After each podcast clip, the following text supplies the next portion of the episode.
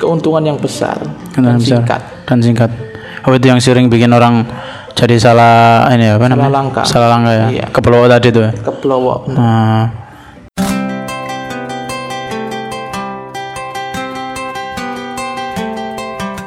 Dia pasti juga ngasih analisa sih. mhm. Hari ini yang naik bakal ini, ini sekitaran ini, beli di sekitaran ini, jual di sekitaran ini. Hmm. Tapi juga dia juga kembali lagi dia juga bukan Tuhan gitu. Iya.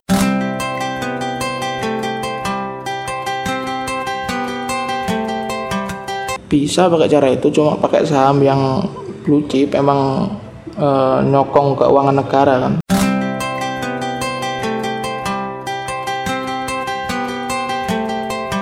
Saya ingatkan lagi saya orang elektro ya. Jadi mungkin ini banyak salahnya saat didengarkan.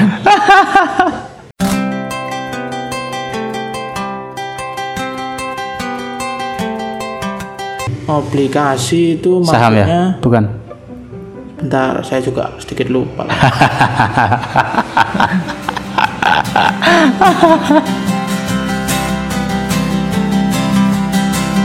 Paper bags and plastic hearts, all our belongings in shopping carts. Goodbye. But we got one more night. Let's get drunk and ride around.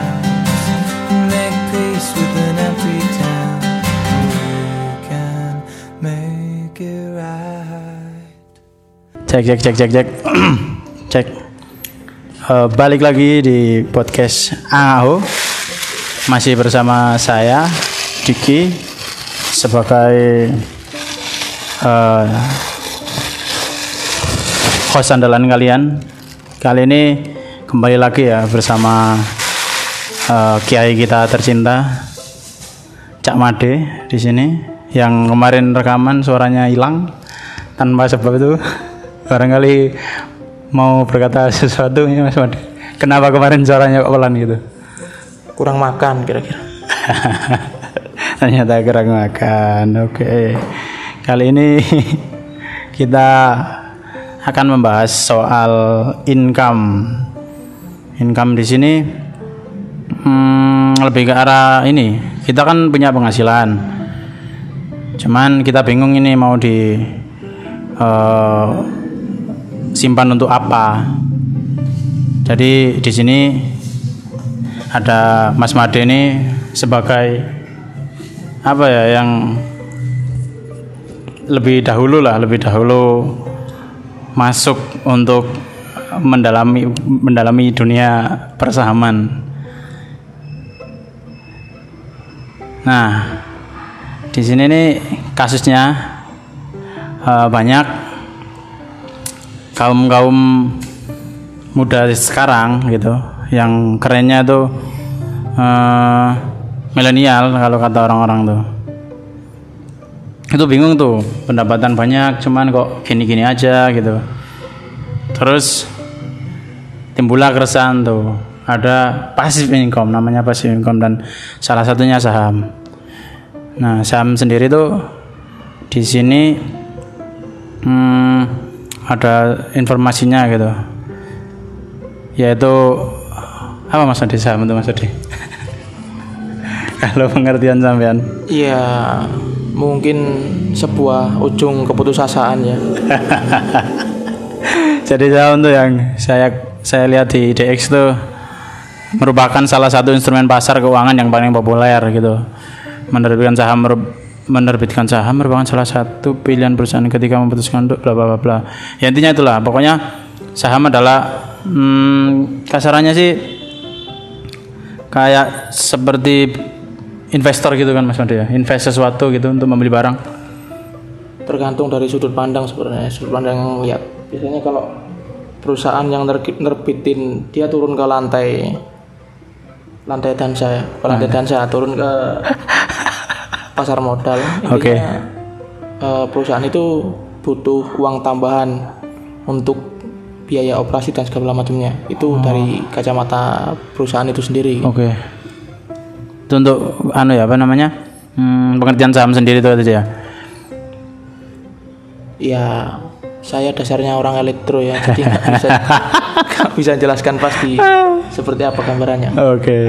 Tapi ya itulah yang mendengarkan tuh banyak lebih lebih lebih bahkan lebih tahu dari kita gitu kan saham sendiri apa. Nah, yang mau dibahas di sini tuh eh, gimana sih cara-cara orang apa ya awam gitu untuk Awam, masuk ke awam kinton, awam kinton. orang yang pemula untuk masuk dunia saham tuh gimana tuh Mas Made? Langkah-langkah pertamanya tuh apakah harus eh, ada uang seberapa atau gimana gitu? Yang penting jangan putus asa aja ini. Yang penting jangan putus asa. Intinya ya paham lah, ekonomi sekarang sulit kan, Ah, nyari uang juga susah. Oke. Banyak orang yang buta arah, larinya ke iming-iming instan Iming Mbak Iming. Pak Iming ya, Pak Iming kantor. Eh, iming-iming dengan feedback yang cepat. Ah, ah. Jadi banyak orang yang tergiur. Ya bahasa halusnya sih tergiur sih. Cuma banyak yang keblowo ini. nafsu gitu kan ya? Keblowo. Ya. Keblowo, oke. Nafsu birahi. Nafsu birahi. Eh, salah satunya tuh yang bikin nafsu tuh apa Mas Made yang di dunia persahaman tuh? Eh, keuntungan yang besar Keuntungan dan besar. singkat. Dan singkat. Oh itu yang sering bikin orang jadi salah ini apa namanya? langkah. Salah langkah ya. Iya. Keblowo tadi tuh. ya? Nah, tapi pertama-tama tuh kalau mau bikin mau masuk lah mau masuk pasar saham kan pasti harus bikin akun akunnya kan Ya, ya intinya daftar dulu ke sekuritas, Ah. Terus mau ke sekuritas mana aja atas nama bank atau sekuritas lain kan banyak juga. banyak oke Cuma ya paling nggak yang terpercaya. Haha. Ya ntar di sana juga dijelasin kan manajemen risikonya emang itu SOP awalnya begitu. Jadi sebelum anda jegur Hmm, harus kudu siap buk, buk- ya kalau dari diri sendiri emang harus. Harus siap. siap. Pasti eh, dijejeli mau nggak mau harus nerima arahan dari manajer tadi ya pembelaan sedikit, pembelaan sedikit resikonya bagaimana dan segala macamnya Hmm. Itu baru bisa buka akun. Tapi itu coba cuma ah intermezzo. Intermezzo. pasti juga dibukain. Ada minimal top upnya gak mas biasanya? Minimal top up tergantung sih. Tergantung banknya masing-masing. Ah. ada yang 5 juta ada yang 10 juta. Itu minimal deposit awal. Deposit awal ya? Ya cuma kalau masalah belinya terserah pribadi masing terserah pemegang saham tadi kan mas ya? Hmm. Nah, jadi teman-teman yang mau ingin mendapatkan passive income yang katanya motivator-motivator sekarang tuh, ya itu tadi harus bikin akun dulu, terus pilih sekuritas mana yang mau dipilih gitu. Nah, dari situ ntar nggak ujuk-ujuk ini kan mas ya apa namanya, langsung ada panduannya gitu kan ya, lebih ke arah kita ini ya apa namanya, coba-coba sendiri gitu. Kalau waktu awal daftar sekuritas sih paling cuma dijelasin aja men, risikonya kayak gimana. Oke. Cuma kalau untuk step-step selanjutnya mungkin ntar dimasukkan ke grup atau apalah. Oke.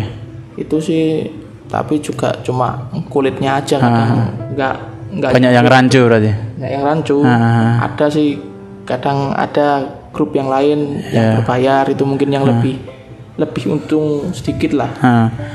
Tapi mungkin grup-grupnya emang gak jelas. Banyak yang gak jelas gak sih di grup itu kan. Kadang-kadang bahas apa gitu kan.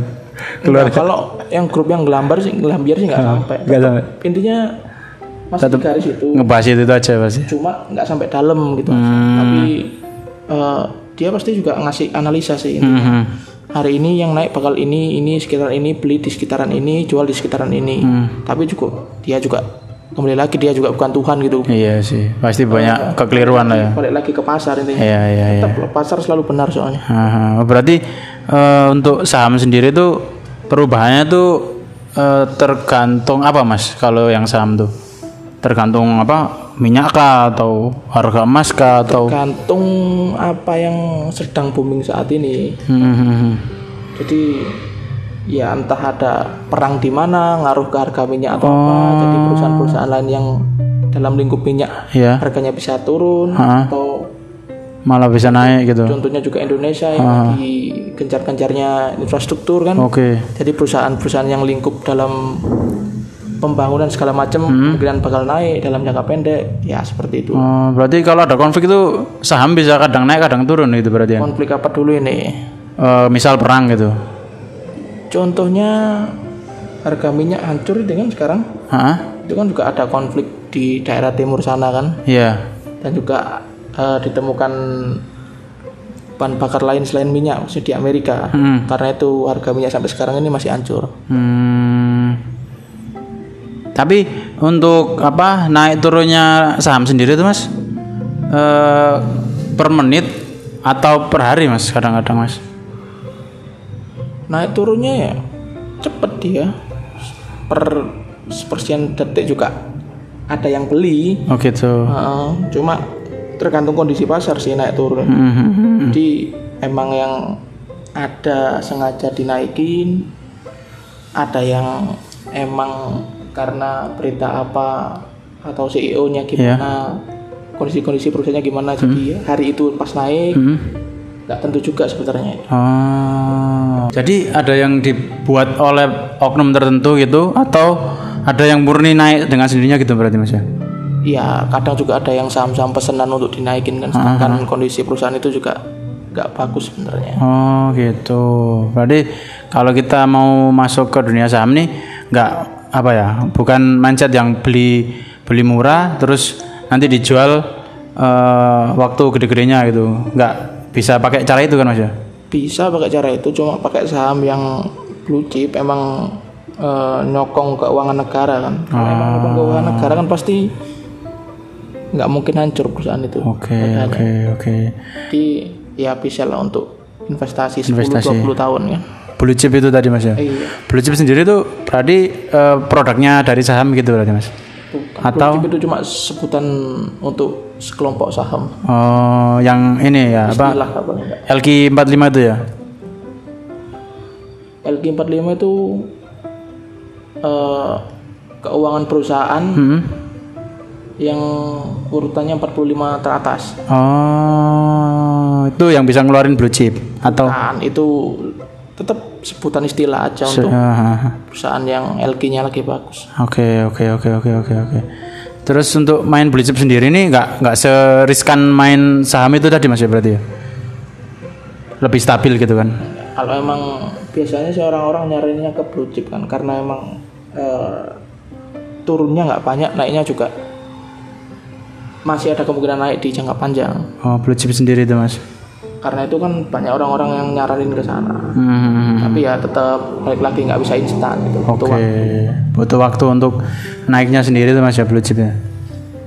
Terjangkau gak mas kira-kira blue chip sendiri tuh daripada untuk bermain saham tuh?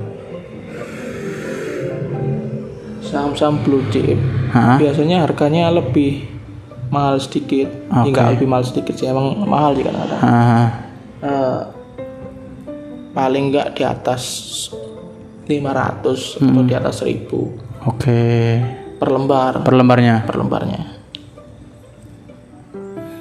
Tapi dengan resiko yang seperti itu kan juga apa ya mas ya menarik menarik untuk diulik lebih dalam gitu untuk blue chip sendiri. Apa hampir sama gitu? Apa namanya eh pola-polanya blue chip sama yang saham-saham biasa tuh mas? Kalau polanya sama, pasti Pola sama. balik lagi ke grafik intinya. Oh ya. Cuma kan kalau emang nggak seberapa punya waktu untuk ngelihat grafik, Hmm. ya beli aja saham blue chip itu. Hmm, jadi kita beli gitu nanti Naik tapi dalam jangka waktu panjang. eh, lima sepuluh tahun mas ya bisa lebih. Ya di atas lima tahun paling. Oh, untuk blue chip sendiri baru bisa panen itu ya.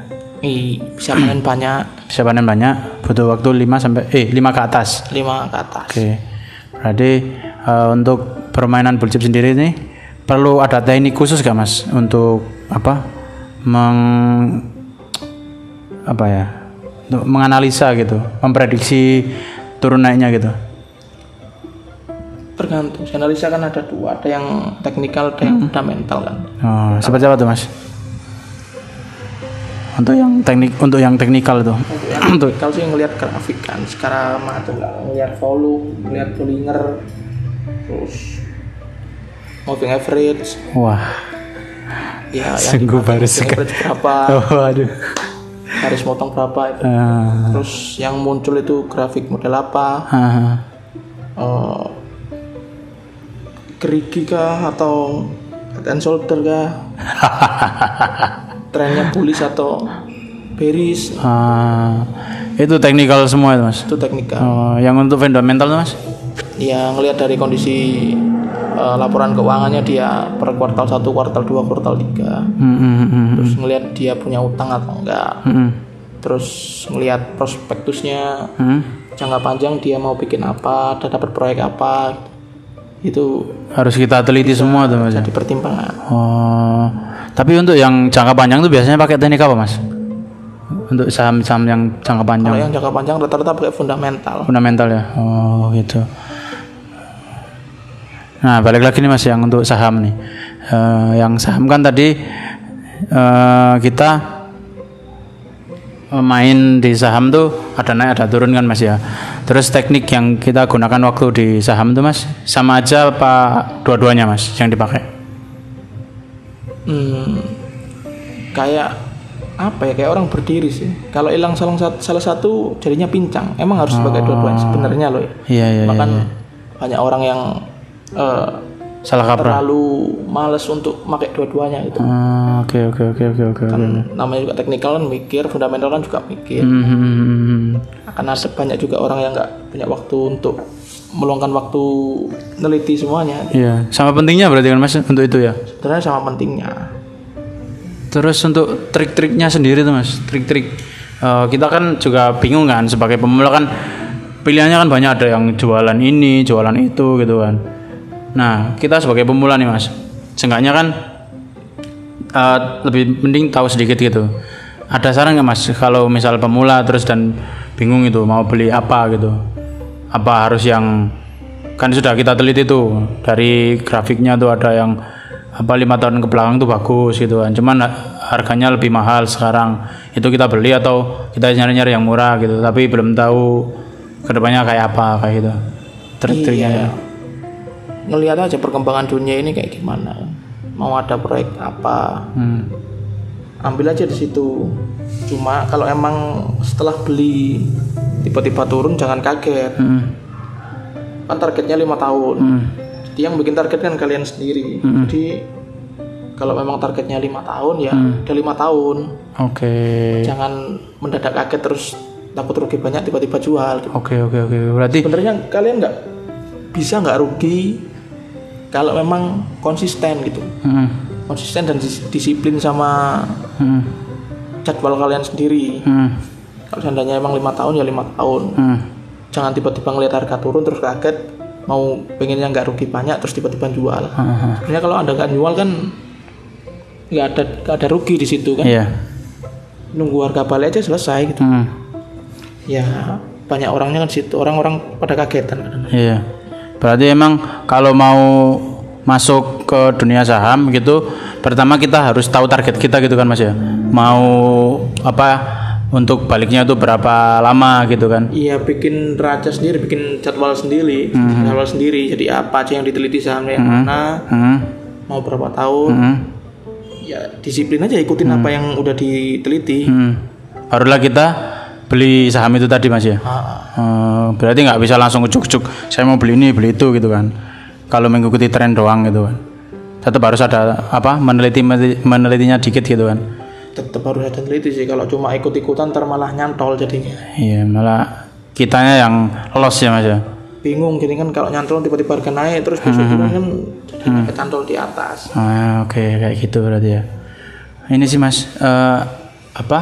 Ada yang ini sih, apa yang dibingungkan tuh ada ada istilah trader sama ada yang investor itu bedanya apa tuh mas? Trader sama investor tuh? Beda. Kalau trading sih cenderung singkat ya. Jadi setelah beli ada yang naik Hmm, terus dijual. oke. Sedangkan investor ya nggak mikir beli sekarang udah ditinggal tidur, tinggal punya anak, tinggal punya cucu. kan. Oke. Besok udah sekian. Oke. Berarti kayak ini kayak Warren Buffett. Warren Buffett. Buffett dan almari. berarti saya salah pengucapan berarti. Terus untuk ini mas apa namanya? Eh kayak eh apa ya namanya tuh hmm, kayak apa ya? Istilah-istilah dalam saham sendiri itu mas kayak dividen terus capital gain capital loss gitu.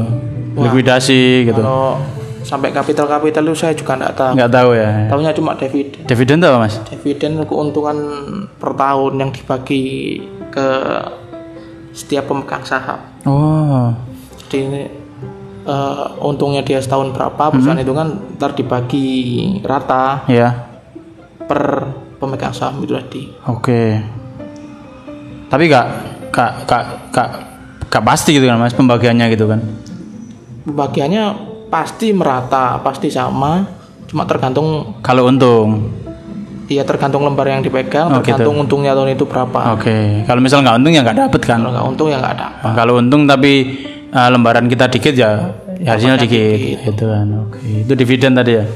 Mungkin untuk teman-teman yang lebih kepo lagi itu bisa langsung deh DM ke ini apa IG-nya Mas Madin. ini. Saya ingatkan lagi saya orang elektro ya. Jadi mungkin ini banyak salahnya saya dengarkan. Iya nih teman-teman nih banyak yang ini apa kurang interaksi dengan kita. Wajar wajar. bisa bisa bisa ini bisa apa namanya? Bisa hubungi kami lewat email atau sosial media nanti kami taruh di mana di podcast kami biar bisa menghubungi biar enak gitu untuk diskusi. Barangkali ada yang minat atau ingin curhat gitu. Nah untuk saham sendiri nih mas, eh, ada gak mas kayak apa namanya hal-hal yang perlu kita hindari gitu? Selain yang disebutkan di awal gitu kan, apa ada kayak yang apa di dibikin seseorang gitu? Itu kayak apa ciri-cirinya gitu? Ciri-cirinya saham murah yang tiba-tiba naik. Saham yang tiba-tiba naik itu kayak apa mas? Iya, contohnya cuma saham per lembar harga 50 kan tiba-tiba jadi 100, Ah. jadi 200. Oke. Kan sedangkan nggak ada pergerakan di perusahaan itu sendiri. Ah, Dia seadanya nggak ada proyek, nggak ada apa tiba-tiba harga naik kan. Ah, Ya banyak orang yang kagetan sih. Kadang juga untung, cuma Oke. banyak yang buntung. Oh, tapi emang ini mas permasalahan di saham sendiri nih permainan saham nih eh lebih ke arah kita melawan diri kita sendiri kita mas mas. Ya tetap ke manajemen emosi. Manajemen Manajemen emosi. risiko, manajemen emosi. Seberapa bisa kita nahan emosi tadi tuh? ya? Iya. Nggak asal comot asal somot itu kan? Iya banyak yang begitu. Awalnya sih pasti begitu. Ah, ingin keuntungan lebih kan? Ah, Dia pasti semua orang pasti rugi kok. Semua orang Nggak pasti rugi. nggak mungkin nggak pernah rugi. Orang yang untung-untung sekarang pasti Iya, nggak iya. pernah rugi. ya pernah di posisi itu kan ya? Iya. Belajar, namanya juga belajar. gitu. Terus nggak ada lagi tuh mas, apa yang hal-hal yang perlu dihindari gitu kayak settingan apa gitu, atau hacker atau apa gitu? Enggak sih. Tetap balik aja ke disiplin tadi kan. Yang udah dianalisa yang mana Hmm, tetap itu itu yang di jadi tracknya tetap di situ. Hmm, hmm. Jadi seandainya kalian udah beli terus tiba-tiba ada saham yang naik, kalian yang saham di sebelah sana rugi sedikit, Hmm. terus akhirnya kalian jual dan beli saham yang eh, instan naik, Heeh. jadinya kecantol, Ah. rugi, kapok. Nyesel udah kayak gitu. Sedangkan kan salahnya dari diri sendiri kalau kayak gitu sebenarnya. Untuk mengkaji saham nih emang agak luas ya. Mungkin kalau emang ada yang berminat lebih bisa hubungi kami gitu. Kalau ingin membahas ini lagi di episode selanjutnya bisa kita bahas lebih lagi gitu. Cuman yang saya mau bahas kali ini nih eh, lebih ke arah pengenalan tentang saham sih kayak gitu. Apa-apa aja gitu. Yang satu salah satunya kan tadi blue chip. Udah disinggung kan tadi blue chip kayak apa gitu kan. Sama kayak saham kan, Mas. Cuman Iya, blue chip itu cuma sebutan dari sekumpulan saham aja. Nah, cuman di apa dijuluki blue chip gitu kan. Nah, Iya. ada lagi nih yang namanya reksadana. Kayak apa tuh reksadana, Mas? Kalau dari urutan resiko sih, Hmm. ya tetap sih intinya reksadana juga sarana untuk investasi. Hmm. Kalau dari urutan resiko itu yang paling minim resiko itu deposito, yang kedua itu reksadana, Hmm. Yang ketiga saham, Hmm. yang keempat baru forex. Korek. Oke. Sedangkan untuk deposito deposito sendiri, Hmm.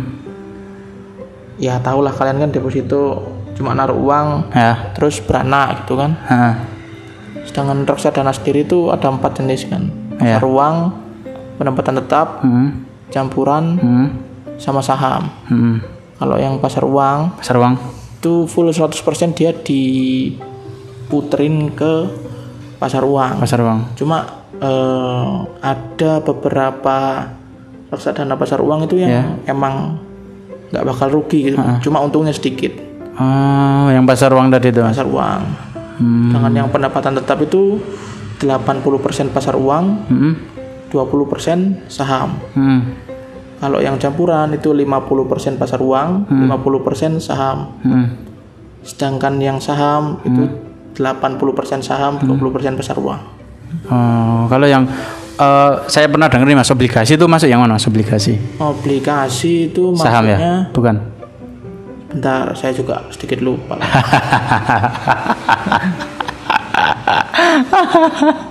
Tapi salah satunya kan tercampur di reksadana sendiri itu kan Iya, Mas. tetap. Ada ya, ya itulah, itulah pokoknya kan. Cuman di reksadana sendiri tuh ngolahnya kayak apa Mas? Maksudnya apakah kita eh, ke banknya gitu, terus store uang, terus dikasih pengetahuan sedikit, terus kita yang ngejalanin sendiri atau kita ngasih uang, terus dikelola mereka gimana Mas? Yang Tergantung jalan mana yang dipilih sebenarnya. Ada Hmm. eh, bank yang emang nyediain di mobile bankingnya untuk Hmm.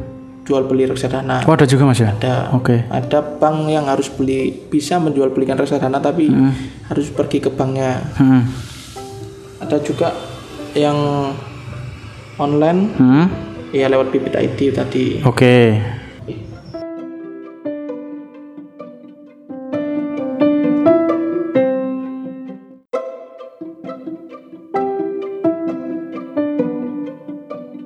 Oh iya. Ah.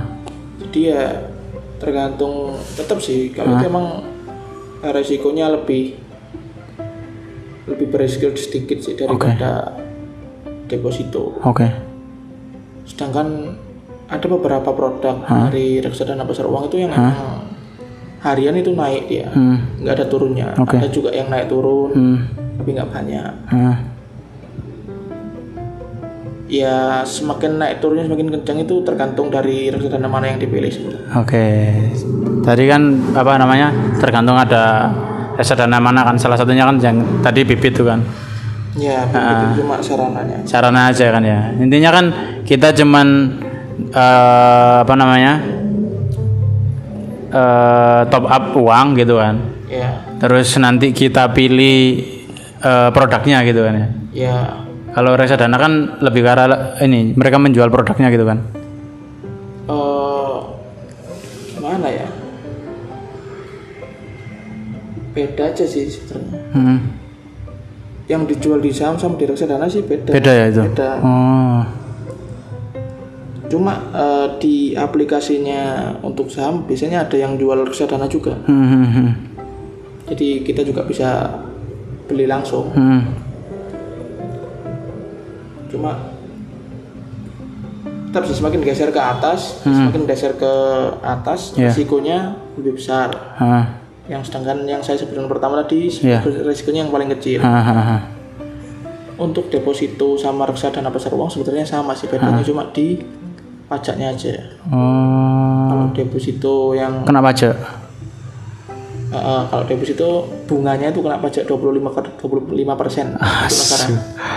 Asik. Sedangkan pasar uang ini sendiri nggak ada pajak, Berarti reksadana, reksadana nggak kena pajak berarti mas? nggak kena pajak, paling cuma kena fee pembelian dan penjualan gitu. Oh biaya admin. Iya. cuma kalau untuk pasar uang biasanya fee-nya nol dia, Fee-nya nol. fee-nya nol Oke. untuk pembelian dan penjualan. Tapi yang perlu digarisbawahi eh, untuk apa ya? Untuk kembalinya uang itu tadi pasif income-nya tuh agak lama ya mas ya? Reksadana maupun deposito. Oh, cepat, cepat, Cepat juga. Tergantung uang yang ditanam. Tergantungnya ditanam. Oke. Tapi kalau dibandingkan saham mas, reksadana kan lebih gede yang saham kan mas? Ya balik lagi lah kan high risk, high return kan. Hai Chris, saya cerita. Ini tergantung pribadi masing-masing. Lebih milih yang aman atau yang beresiko gitu mas ya? Ya, Nah oke untuk yang reksadana sih cukup menarik pembahasannya tuh. Terus yang forex nih mas, disaranin nggak mas kita yang apa ya awam-awam nih untuk masuk ke dunia forex gitu Jujur aja sih kalau saya forex saya nggak jekur ya. Bener-bener nyoba Saya cuma nyoba demonya aja sih. Demo masak. saya belum berani turun langsung. Apa tanggapannya mas setelah nyoba demo itu mas Lebih susah ngatur emosi di situ. Eh, forex sendiri tuh Iya. jadi untuk orang awam tuh mendingan Mending jangan dulu ya Kan nanti kagetan.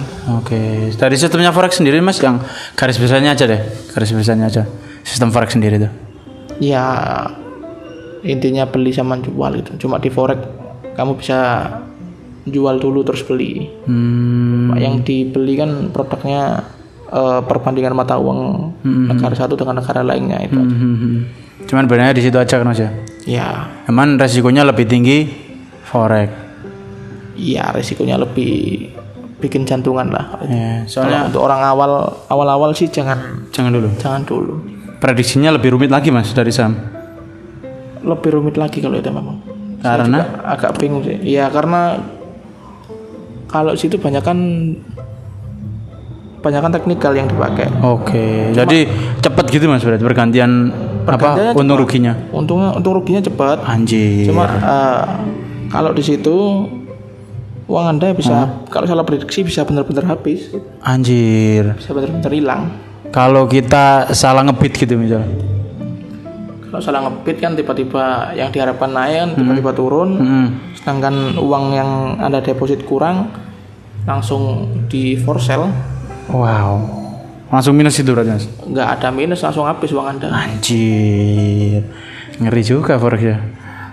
Untuk teman-teman nih jangan jangan sih, bukan jangan, maksudnya kalau mau ngikutin forex ya silakan gitu. Tapi balik lagi nih kita yang di sini nih nggak expert expert amat soal untuk apa ya mengolah uang dengan saham betul gitu Mas Made. Iya, jangan. Iya intinya kalau emang belum siap ke sana ya jangan jangan terjun dulu. Paling nggak akan baca-baca dulu. Hmm, gali-gali informasi lah ya. Kali-kali lubang tutup lubang. itu utang mas. Kan jangan dipakai uang utang. Oke. Jadi ya seperti itu tuh. Kita bukan ekspertis cuman ya ingin nge-share aja untuk teman-teman supaya dapat pasif income sendiri gitu. Intinya ya uang yang dipakai harus uang dingin. Jangan uang untuk makan besok dipakai nanti malah nggak makan. Oke. Uang dengan sendiri nih uang yang ini apa namanya nggak nggak kepake dalam artian apa ya simpanan kalian tapi nggak dibutuhin gitu. Itu uangnya uang dingin Ya, Uang adem. dalam jangka pendek nggak dibutuhin. maupun jangka panjang. Oke, seru sekali kan pembahasan kali ini nih. Lanjut ke seksi 2. Mungkin seksi 2 akan lebih cepat.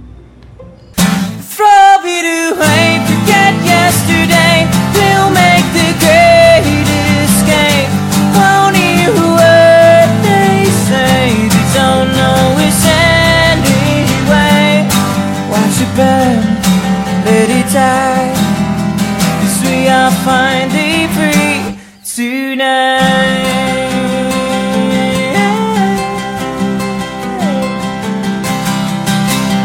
Tonight will change our lives. So good to be by your side, and we'll cry. Won't give up the fight. We'll scream loud at the top of our lungs.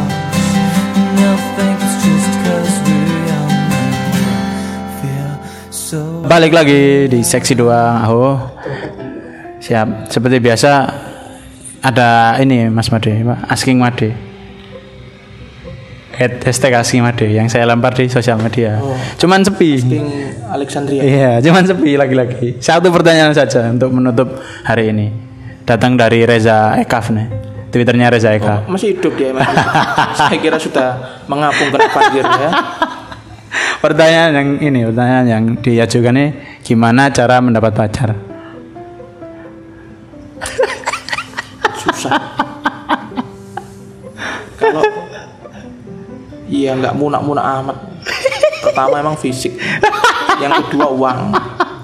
Tapi uangnya banyak sekarang dia. Ya itu bisa menutupi fisik. Emang fisiknya seperti apa nih Mas Reza nih? Reza Ekap nih. Seperti yang sekarang sering kelihatan di TV. Apa? Kayak perahu karet. Tapi santai lah. Uangnya kan banyak. Uangnya bisa menutup fisik. Tinggal tunjuk aja cewek yang mana tunjuk, tunjuk. Tunjuk. Tapi untuk cara sendiri Mas, cara gimana cara mendapatkan pacar? Dengan uang tadi berarti. Dengan uang. Langsung ceplekkan kepalanya. Ties, ties ini. Berarti cewek-cewek yang dilihat itu terserah dia udah ya. Yang penting ada uang gitu, langsung dicepleskan uangnya. Iya kan dia ngomongnya kan cewek bukan istri. Kalau istri kan dominan nyari yang baik kan. Ah, oke. Iya sih. Dia nanya pacar sih. Pacar kan. Iya. Kalau dia ngomongnya istri kan Barulah ya. pasti ngelihatnya yang baik-baik. Hmm, hmm. Jadi gitu Mas Reza sudah dijawab nih sama sang kiai gitu ya. Biasa ada dia frustasi kan dari lahir belum pernah pacaran. Pacar timbul pertanyaan itu. Iya ya, untuk pendengar nih yang barangkali juga sama-sama masih mencari pasangan hidup bisa nih ke Mas Reza Ekaf nih. Untuk lebih tahunya nanti eh, bisa kontak-kontakan lewat email kami atau sosial media AU juga ada di Twitter ya ada di situ. Oke, mungkin cukup episode kali ini Mas. Kata-kata penutup mungkin dari Mas Made? Cukup. Cukup. Gak ada pesan dan kesan Ada pesan untuk Reza tetap semangat cari uangnya biar ketebalan dompet menutupin ketebalan perut. Oke, kayak gitu tuh. Nah, dari saya tetap semangat untuk pemula-pemula yang ingin bukan pemula sih teman-teman yang ingin eh, menggali lagi pasif income-nya. Semua dalam keadaan belajar juga. Semoga cepat kaya gitu. Oke, gitu aja. Saya Diki cabut. Saya juga cabut pasang lagi. Oke. Nah, gitu. Sampai jumpa. Bye bye. Throw it away, forget yesterday. We'll make the great escape. Won't hear a word they say. They don't know us anyway. Watch it burn, let it die. Cause we are finally free tonight. All of the wasted time, the hours that were left behind, the answers that we'll never find. Well, they don't mean a thing tonight.